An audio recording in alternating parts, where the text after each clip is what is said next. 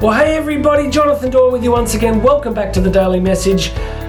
If you are just tuning into this episode, you need to go back to yesterday because we're doing a four part series. This is part two of four in the WOOP goal setting methodology from Dr. Gabrielle Oettingen. This is day two, so make sure you got yesterday's. Uh, please make sure you subscribe. Go and check out the notes here because you can get a free copy of my book, Bridging the Gap, and there's a whole bunch of other stuff in the notes. So go check those notes out hit those links because there's a bunch of good stuff. Yesterday we talked about the W in the WOOP system. It's the wish part. What do I wish for? What do I desire? Today's part two once you have clearly articulated to yourself what it is that you desire, your wish, the thing that is central to you, the next stage is the O, which is outcome. What most people do is they assume that the goal itself, the, the, the wish, is the point. So most people assume that it's the car or the house or the weight loss or the relationship or the promotion or the finances, that that's the whole thing, right? The crucial part about the WOOP methodology and about goal setting in general is it's never so much what we desire, it's what the desire creates in our life, the outcome. So if you say to somebody, what, you know, somebody wants to lose 10 kilos, 20 pounds, right? You say to them, why do you want to do that? What's the outcome? Like, let's just say we magically go snap our fingers and instantly you lose the 10 kilos, gone, 20 pounds, gone in a heartbeat what does that give you? What is the experience, the internal dynamic that takes place for you the moment that the wish is fulfilled?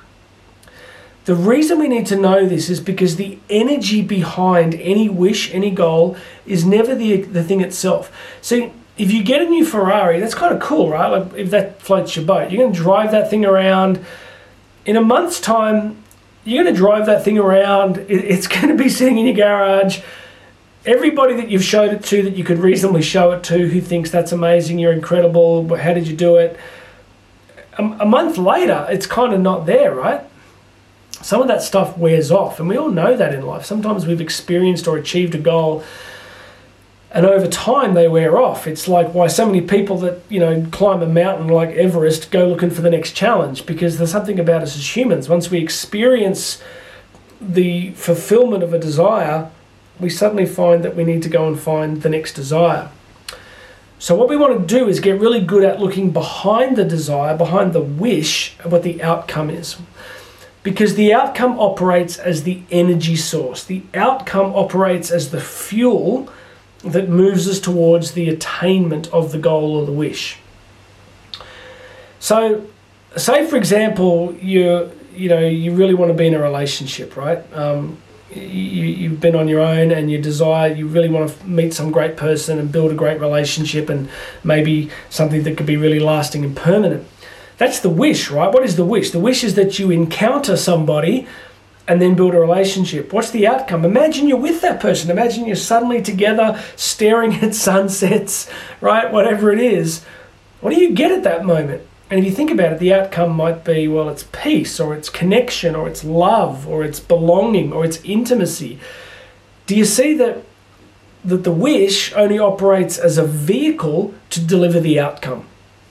So we want to get very good at articulating the outcome. This is really simple stuff. So if you were with us yesterday, you'll have your wish sorted. If you weren't, go back to yesterday's episode and check it out. What is the outcome that you're after? What is it that you really want? What is it that the attainment of, you know, some people want to make, you know, they say, I want to make a million dollars, make $10 million. And you go, cool, here's $10 million. Now what do you got?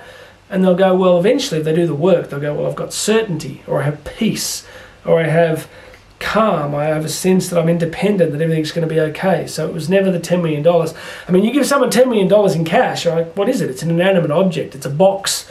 And the box sits there, and the box has a bunch of paper in it, right? It's got $10 million. Did you notice that their wish wasn't, I want a box full of coloured paper? That was, you know, that was never the wish. The wish was, I want $10 million. Why? Because the wish drives the outcome. And the outcome is I can bless my friends or buy my parents a house or I can be financial, whatever it is, right? You get it. So I really want you to get this because so many times the reason that things fail is because people think that the wish is the point. The wish is the spark of desire. The outcome is the fuel that brings it to reality. That's all I want to say. I don't want to push this too far. That, that's it's that simple. WOOP methodology. Wish. Step one. Outcome. Step two. Tomorrow we're going to go into the next important stage. So if you're enjoying these, please make sure you check in tomorrow. I launch these around midnight each night. The next one's coming tomorrow. Hope it's a blessing to you. Please make sure you're subscribed. Go check out the show notes because there's free access to my book, Bridging the Gap, and a bunch of other stuff there to contact me. So go do that. My name's Jonathan Doyle. I'll have another message for you tomorrow.